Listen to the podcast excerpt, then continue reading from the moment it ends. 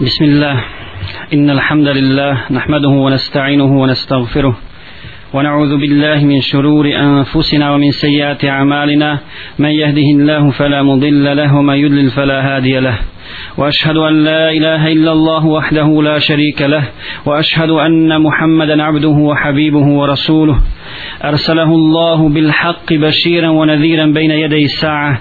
من يطع الله ورسوله فقد رشد ومن يعص الله ورسوله فلا يضر إلا نفسه ولا يضر الله شيئا. أما بعد فإن أستقى الحديث كتاب الله وخير الهدي هدي محمد صلى الله عليه وسلم وشر الأمور محدثاتها وكل محدثة بدعة وكل بدعة ضلالة وكل ضلالة في النار. ثم أما بعد قال الله سبحانه وتعالى في كتابه الكريم بعد أعوذ بالله من الشيطان الرجيم.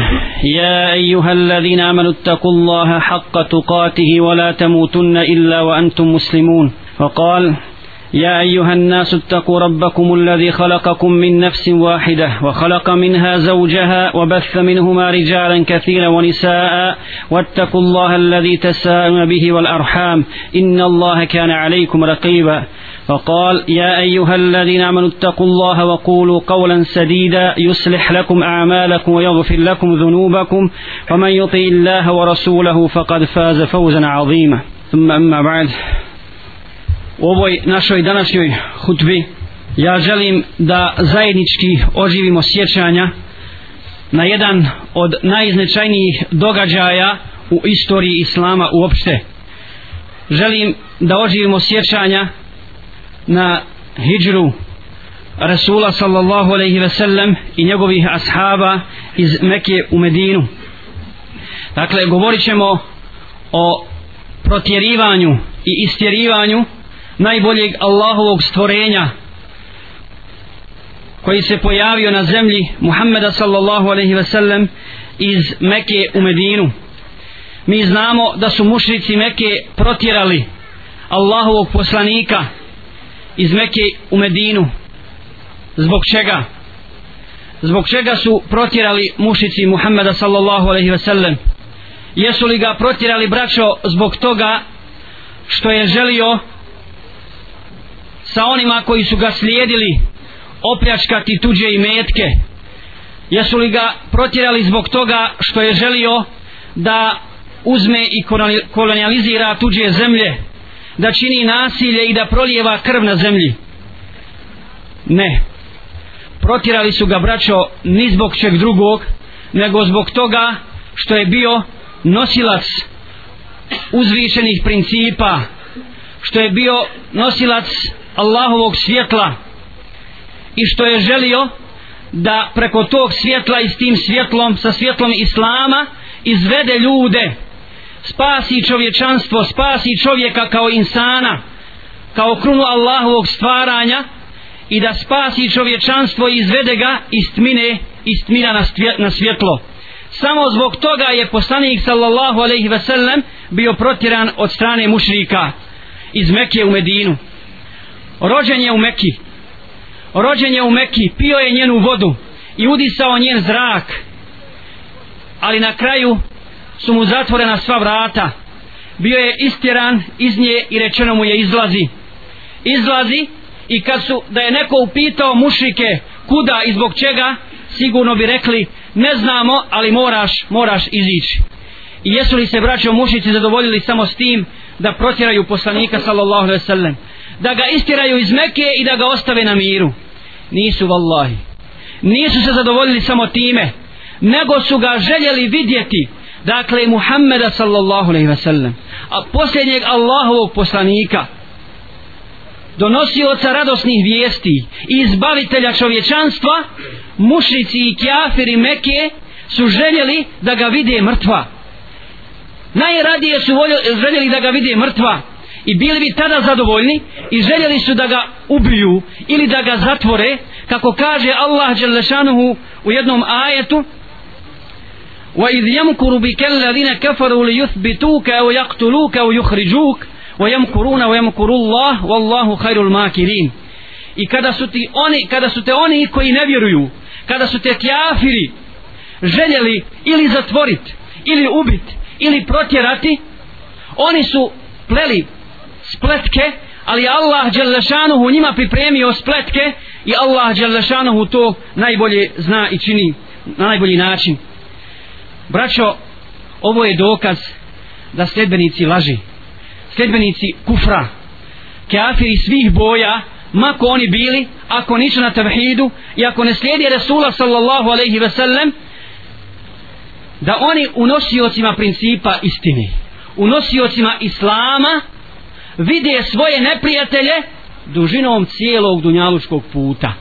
Dakle do sudnjega dana oni u nosiocima istine vide, vide svoje neprijatelje.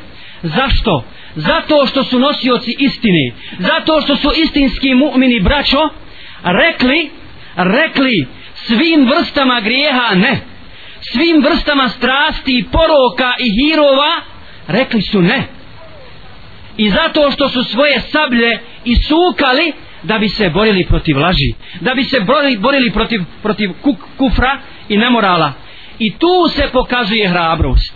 Tu se pokazuje hrabrost. Kad se čovjek digne da se bori za uzvišene principe za ideal istine koju Allah Želešanuhu objavljuje preko svog poslanika Muhammeda sallallahu alaihi sallam to je vallahi prava hrabrost. To je, nije hrabrost kad čovjek iziđe iz nekakvog prkosa ili inata da brani državu, da brani zemlju, da brani položaj, da brani materiju i da, iš, da, se, da se ljuti i srdi i da diže nos zbog prašine od, i, i zbog blata od kojega je stvoren i kojega će, u, koji, u koje će se ponovo vratiti od koga je Allah stvorio? Ne. Nego je prava veličina i prava hrabrost kada se ljudi dignu da brane princip da brane vjeru da brane, da brane istinu. I zato je Resul sallallahu alaihi ve sellem braćo iskoračio naprijed i bio spreman u svakom trenutku da žrtvuje svoju glavu i svoj život da da za Allahu vjeru. I odbio je vallahi sve izazove. Vidite kad mi čitamo siru kad čitamo životopis poslanika sallallahu alaihi ve sellem bezbroj se pouka krije u tome često puta ljudi prelaze preko toga. Ne obraćaju dovoljno pažnju na određene momente iz života poslanika sa sebe. Pa ćemo mi ili čuti ili smo čuli već stotinu puta da su mu mušnici nudili šta? Nudili su mu vlast nudili su mu bogatstvo nudili su mu žene nudili su mu sve ono što se može ponuditi čovjeku na dunjalu koji za čim ljudska duša teži i on je to sve glatko odbio zašto smo braća to nudili jesmo se ikada zapitali dakle to je ders koji treba da naučimo jedan od dersova hijri, jedna od pouka hijri. zašto zato što ljudi kad vide da se neko digne da im i da, da će ugroziti njihov položaj onda mu nude ono što oni imaju nude mu tu istu vlast nude mu položaj, nude mu dunjaluk da bi ga na taj način potkupili i dobili. I da je pristao, da je pristao poslanica na to šta bi bilo? Oni bi lahko njega uzeli. I, i ako ne bi njega pridobili a ne bi nikada i ako ne bi njega pridobili on bi umro. Ne bi imao više svojih sledbenika i onda bi lahko završili, završili sa tom stvari. Međutim tako mi Allaha kako kaže poslan Selem da su mu spustili sunce u desnu ruku a mjesec u lijevu ruku vallahi ne bi odustao. Ne bi odustao ni milimetra poslanik sa veseliti bi skrenuo s puta dok ne uzdigne la ilaha illallah. Dok ne uzdigne Allahu, Allahu vjeru na zemlji. I čak ona onoga momenta kada su mušici opkolili njegovu kuću i kada mu je došao Džibril njegov saputnik i njegov drug melek s nebesa i rekao ja Rasulallah oni su pred vratima mušici te čekaju pred vratima žele da te ubiju žele da te napakoste da ti nanesu zlo. Rekao je Džibrilu Muhammed sallallahu alaihi sallam isto što je rekao svom drugom drugu i saputniku od ljudi Ebu Bekru na hijđerskom putu inna Allahe ma'ana. Inna Allahe ma'ana. Allah je sa nama. Allah je sa nama. I oni nam ne mogu ništa uraditi ne mogu nam ništa učiniti. I izišao je bez sablje a oni su bili sa sabljama. Izišao je bez naoružanja oni su ga čekali s naoružanjem da mu osijeku glavu. Da završe već jednom sa njim i sa njegovom i sa njegovom plemenitom misijom. Izišao je poslanik sallallahu alejhi ve i bacio je prašine njima u oči i sviju je Allahovom voljom i dozvolom zaslijepio. Stoga braćo želimo da izvučemo danas neke pouke iz hidžre poslanika sallallahu alejhi ve sellem prvi ders i prvu stvar koju želim da spomenem danas u hudbi jeste tevakul na Allaha Đalešanuhu koji je pokazao poslanik sallallahu alejhi ve sellem kojeg su pokazali njegovi ashabi na putu na putu hidžre dakle na putu hidžre se pokazao najbolje tevekul Rasula sallallahu alejhi ve sellem i to vjernik mora sebi uzeti kao pouku. Dakle, poslanik sallallahu alejhi ve sellem potpuno siguran u Allahu u pobjedu. Siguran u Allahu u pobjedu i onda kada je bio sam. Kada je bio u pustinji, kada dolazi Suraka ibn Malik sa konjem, na, na konju, da ga, da ga ubije. I kada su mušici bili pred pećinom, pred samim ulazom, i u mnogim predajama stoji da je golub Allahovom dozvolom sagradio gnjezdo i da je, da je pauk ispleo mrežu međutim učenjaci kažu ove predaje nisu vjerodostojne nisu sahi. I za mene je to logično. Za mene je to logično jer muđiza je muđiza je i potpuna pomoć od Allaha Đalešanu da mušici dođu pred pećinu na kojoj nema ništa a da ne vide poslanika sallallahu sallam. Da ne vide poslanika sallallahu sallam i Abu, i Abu, i Abu Bekra. I Allah Đelešanuhu pomaže svoje istinske mu'mine kako kaže preko usta jednog od svojih dobrih robova Allah Đelešanuhu wa ufawvidu amri ila Allahi inna Allaha basirun bil ibad. Ja svoju stvar povjeravam Allahu Đelešanuhu a Allah vidi svoje robove. Ili u drugom ajetu Allah Đelešanuhu govori za poslanika sallallahu sallam wa yuhawifunake bil ladine min du'ni i oni te zastrašuju onima koji se obožavaju mimo Allaha. Ili onima ljudima, mimo, mimo gospodara svjetova, njime te, njima te plaši, njima te zastrašuju da bi te odvratili od, od te misije i od puta kojim si, kojim si krenuo. I ovo je dokaz za ono sve što je mimo Allaha Đelešan, mimo gospodara svjetova, da je to ispod, da to nema svoje vrijednosti i da su to Allahovi robovi koji se moraju pokoravati Allahu Đelešanu, htjeli ili ne htjeli i ne mogu izići iz tih okvira.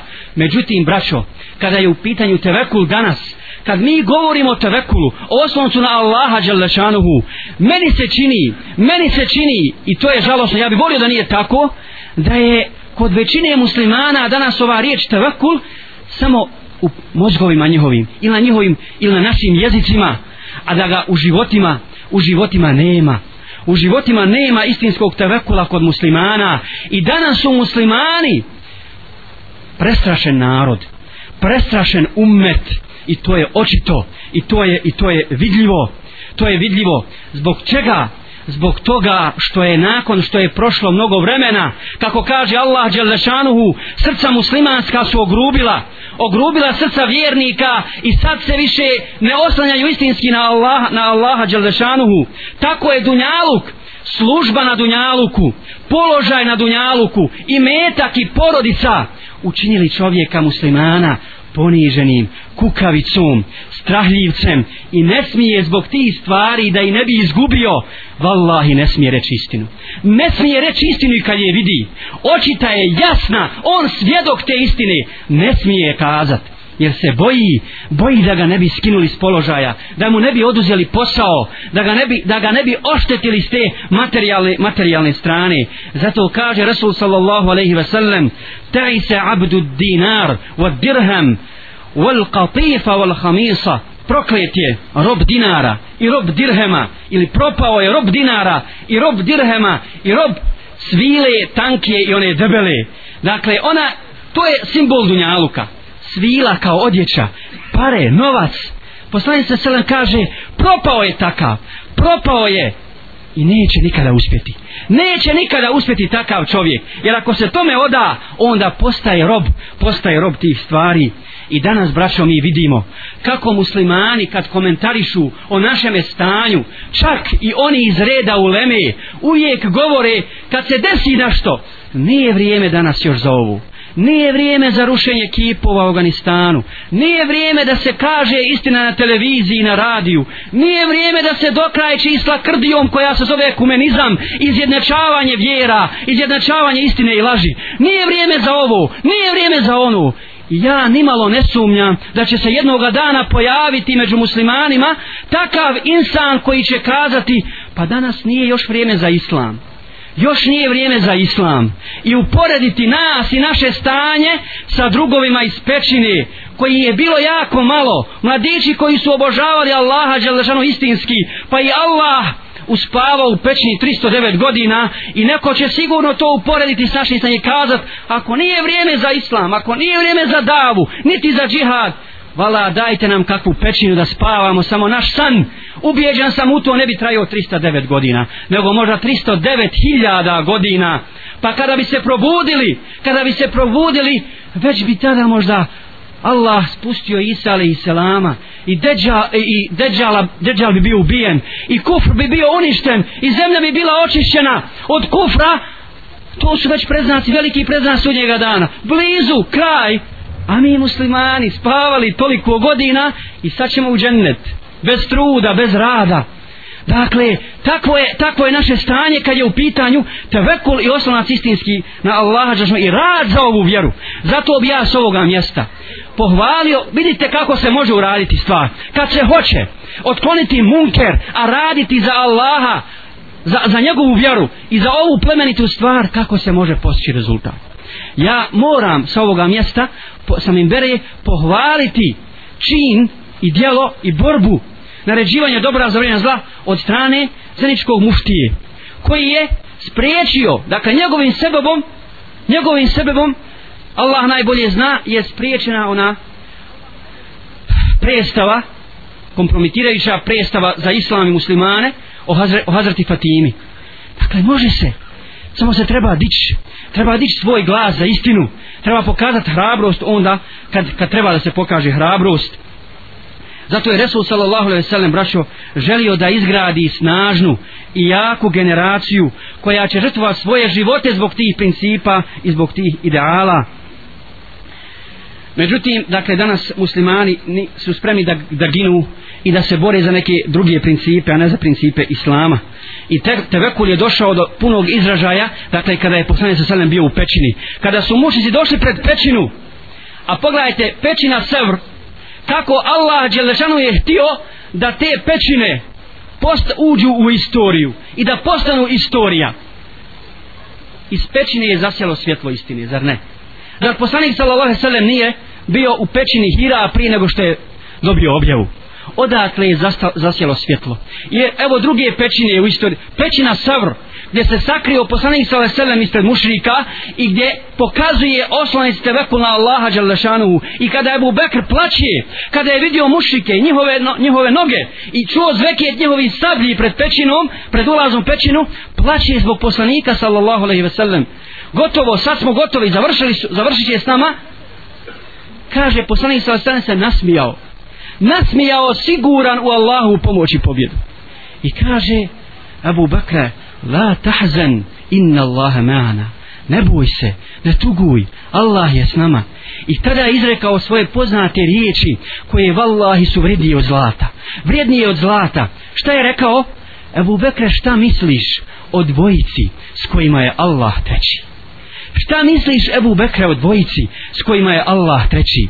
Pogledajte braću ovoga drsa i ovoga predavanja i ove lekcije koji nam drži poslanik sallallahu alejhi ve sellem. Nije Resul sallallahu alejhi ve sellem rekao: "Šta misliš Abu Bekre o čovjeku koji je Allahovim poslanikom?" Zar misliš da će Allah izdati svoga poslanika? Ne veže taj spas od Allaha i pobjedu samo za sebe, zato što je on Allahov poslanik. Nego kaže šta misliš o dvojici? O dvojici s kojima je Allah treći. Dakle, nema dvojice vjernika da se nađu u iskušenju, dakle, jedan insan, jedan vjernik, sigurno će ga Allah pomoći. Sigurno će biti pobjednik na Dunjaluku i na Ahiretu. A kamo li dvojica?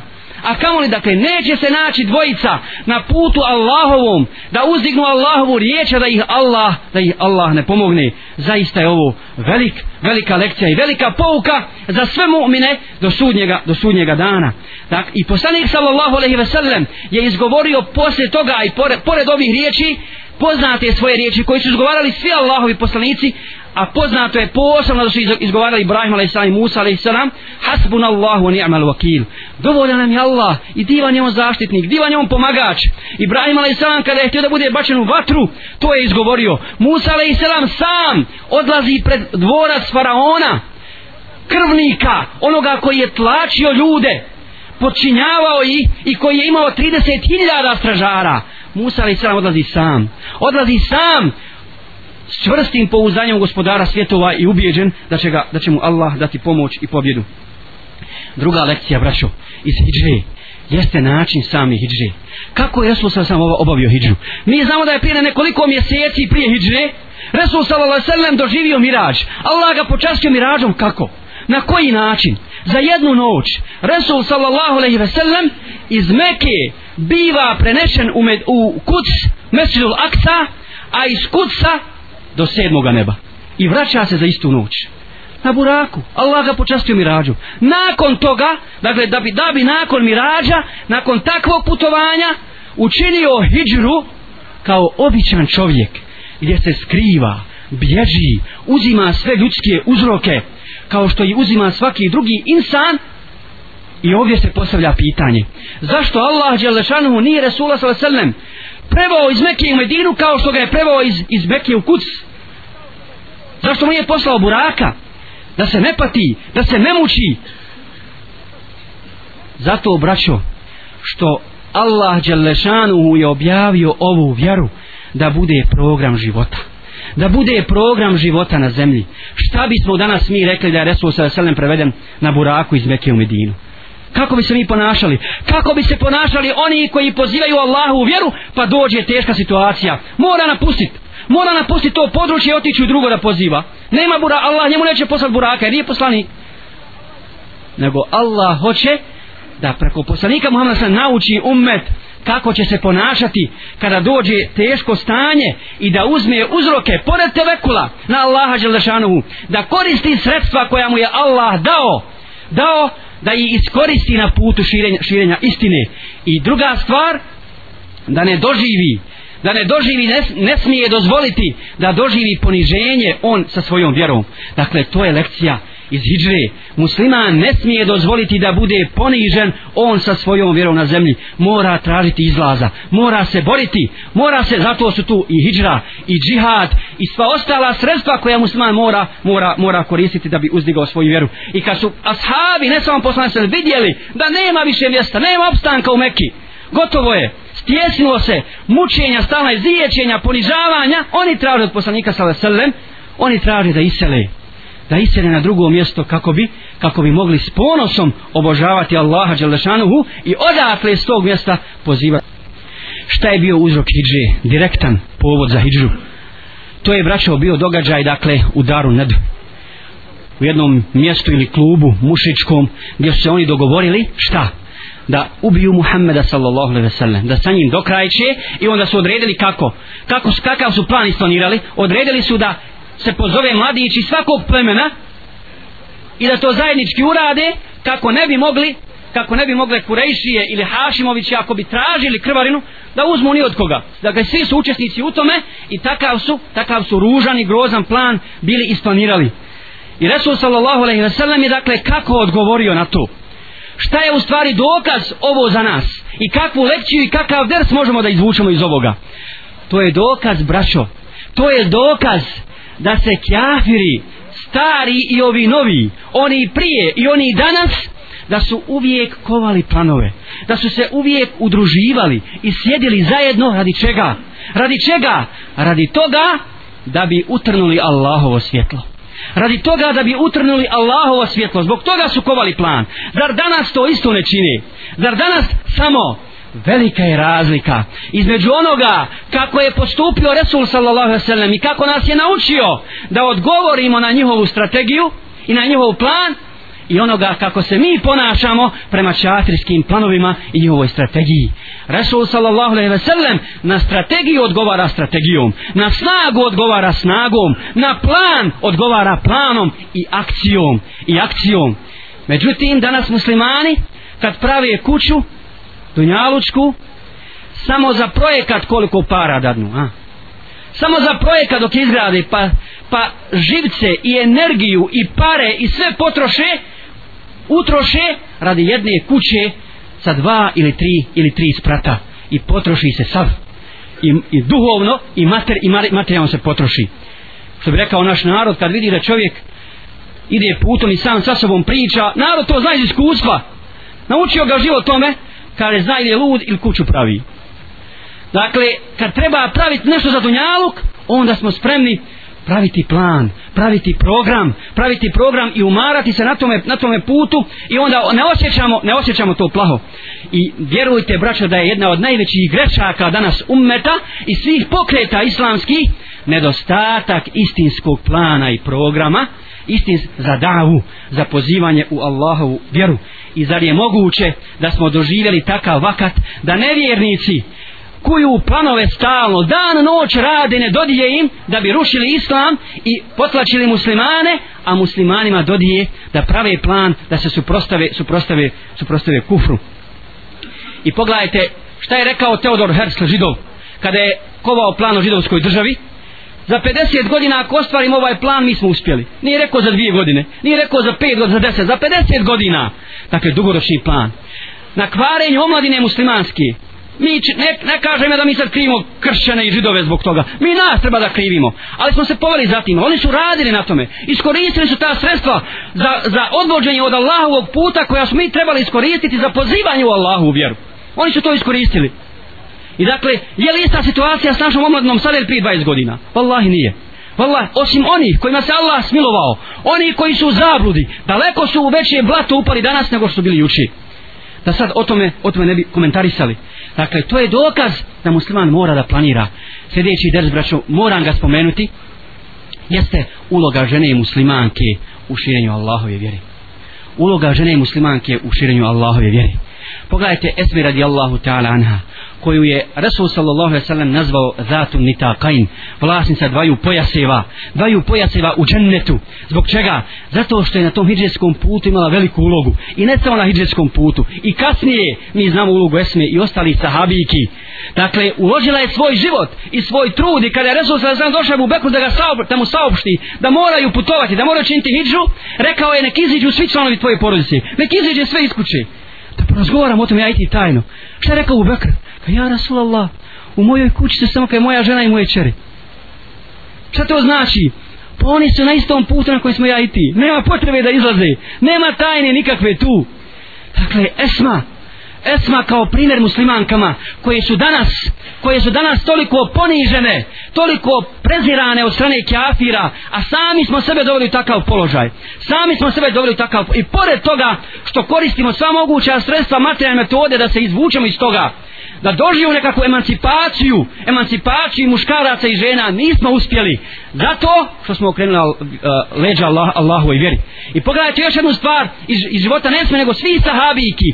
Iskrenost, čednost, čestitost, povjerljivost, poštenje, bogobojaznost, hrabrost. Tri godine Resul sallallahu alaihi ve sellem poziva u Meki šta? Kako?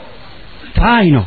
Tajno i sakupljaju se muslimani novi u kući Erkama ibn Abi Erkama koji je imao koliko? 16 godina. 16 godina. I svi ashabi koji su da primili islam bili su skoro oženjeni.